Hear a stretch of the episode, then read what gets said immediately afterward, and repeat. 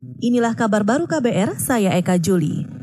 Pembangunan rumah sakit khusus penyakit infeksi menular dan penanganan pasien COVID-19 di Pulau Galang, Batam, Kepulauan Riau sudah selesai 80 persen. Menteri Pekerjaan Umum dan Perumahan Rakyat Basuki Hadi Mulyono menargetkan Sabtu ini rumah sakit sudah bisa digunakan. Di sana uh, merehabilitasi rumah sakit Vietnam dulu untuk para pendukung, kemudian membangun uh, uh, apa ruangan observasi sebanyak 400 tempat tidur yang nantinya mungkin mudah-mudahan nggak bisa nggak nggak perlu ditambah tapi kalau perlu sampai 1000 oke okay? kemudian pendukungnya air listrik semua air listrik sudah 100% kemudian yang fisik lainnya 80 persenan. Jadi mudah-mudahan sudah siap nanti 28 uh, Maret ini untuk dioperasikan. Itu tadi Menteri PUPR Basuki Hadi Mulyono. Sementara itu, Dirjen Cipta Karya Kementerian PUPR Danis Sumadilaga menjelaskan sejumlah fasilitas yang akan tersedia di rumah sakit khusus ini di antaranya asrama petugas, dokter dan perawat, gedung sterilisasi, dan bangunan khusus isolasi dan observasi. Kita ke Bandung. Ikatan Dokter Indonesia atau IDI Jawa Barat mendesak Presiden Joko Widodo segera menyediakan pasokan alat pelindung diri atau APD bagi tenaga medis, khususnya dokter. Alasannya, APD tersebut merupakan syarat mutlak bagi dokter yang merawat pasien COVID-19.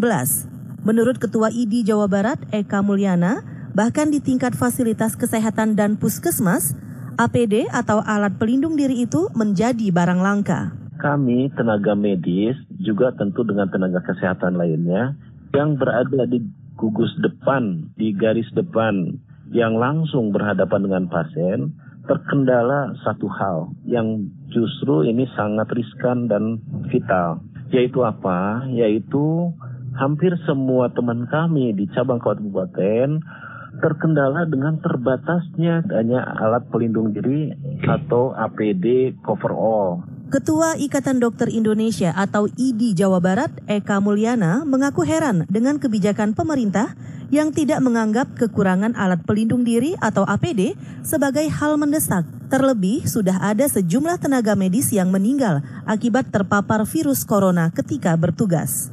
Kita ke mancanegara. Kerusuhan penjara di ibu kota Kolombia, Bogota, menewaskan setidaknya 20 tahanan. Kerusuhan yang terjadi pada Sabtu waktu setempat akibat kekhawatiran menyebarnya virus COVID-19. Sebanyak lebih 80 orang dilaporkan cedera. Menteri Kehakiman Kolombia mengatakan, kerusuhan terjadi lantaran para tahanan memprotes kondisi sanitasi yang buruk. Mereka menuntut pemerintah memastikan kalau mereka tidak tertular virus COVID-19.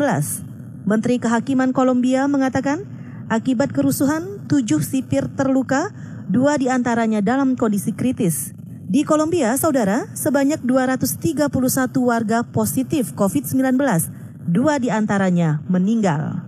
Kita ke Bursa Saham.